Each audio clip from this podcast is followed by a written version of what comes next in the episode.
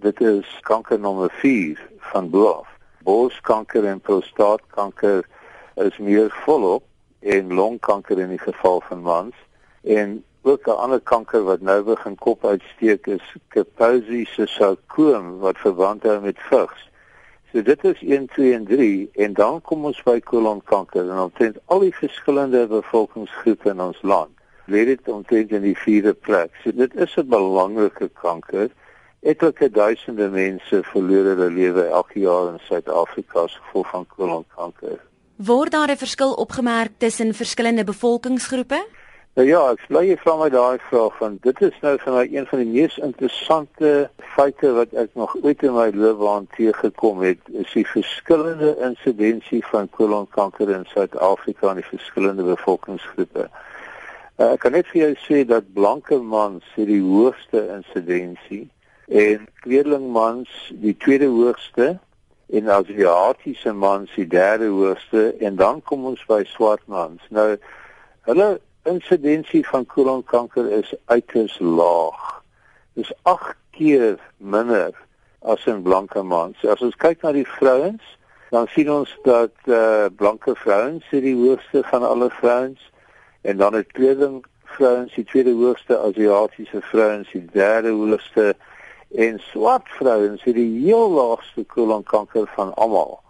En hier kyk ons na eh uh, insidensie van uh net 5 of 6 keer minder as die blanke vrouens. So dit staan soos 'n paal bo water. Ek het toe gaan kyk na die insidensie in Amerika en die statistiek. Jy sien ek in Amerika is die insidensie van uh kolonkanker meer as 3 keer hoër as in Suid-Afrika. En dan kyk ek na die swart bevolking van Amerika en ek sien dit is presies dieselfde. Dit is ook baie baie hoog. En as ek hulle vergelyk met die swart bevolking van Suid-Afrika, dan sien ek die absolute ongelooflike feit dat hulle 20 keer meer kolonkanker kry in Amerika as in Suid-Afrika. So die groot vraag is, hoekom lyk dit dan asof ons swart bevolking in Suid-Afrika beskerm word teen kolonkanker?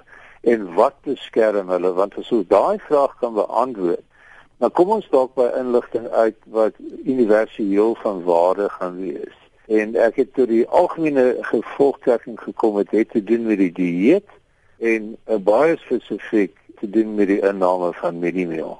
Is daar al enige navorsing gedoen om te wys dat mieliemeel en mieliepap voorkomend kan wees teen kolonkanker? Daar is stukkies navorsing wat as 'n mens hulle sou las aan mekaar, dan het jy 'n koherente storie vanaf die oomblik wat jy mieliemeel eet totdat jy kanker in die kolon voorkom. Maar daar is nog nie 'n groot studie gedoen wat alles bymekaar bring en dit onteenseglik bewys nie. Die stukkies navorsing sluit die volgende in dat 25% van die mieliemeel wat geëet word kom by die kolon uit. Terwyl as jy witbrood eet, dan kom daar niks by die kolon uit nie. Dit word alles verteer voordat dit by die kolon uitkom. In die kolon is daar 800 verskillende soorte bakterieë wat die mieliemeel verander in kortketting vetsure.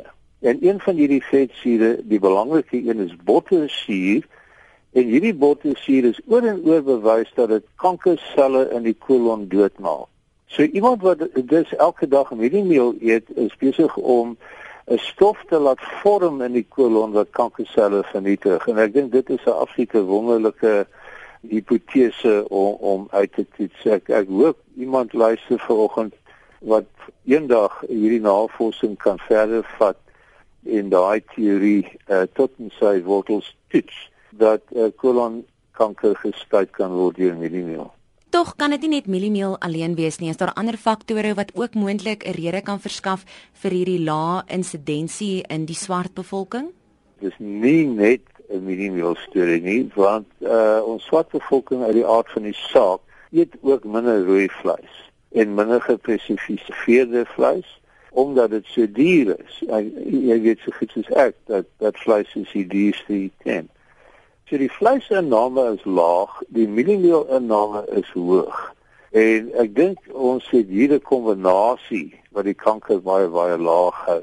Die derde ding is dat dat uh, ons swart Suid-Afrikaners doen baie uh, handearbeid en is gedurig besig om uh, te beweeg en spiere te gebruik ensovoorts in hulle in hulle werk terwyl die uh, blanke bevolkingsgroep neig meer na 'n werksituasie waar hulle in 'n stoel sit om te die hele dag lank en geen oefening kry nie. En dit is oor en oor bewys dat oefening hou verband. Maar vir my as 'n persoon wat kom van 'n biologiese en molekulêre agtergrond is die idee dat van die stapelvoedsel wat ons in hierdie land het 10000 ton word elke dag geëet deur 20 miljoen mense dat ons daardeur 'n uh, hele paar duisend kolonkankergevalle dalk voorkom elke dag met sodanige dieet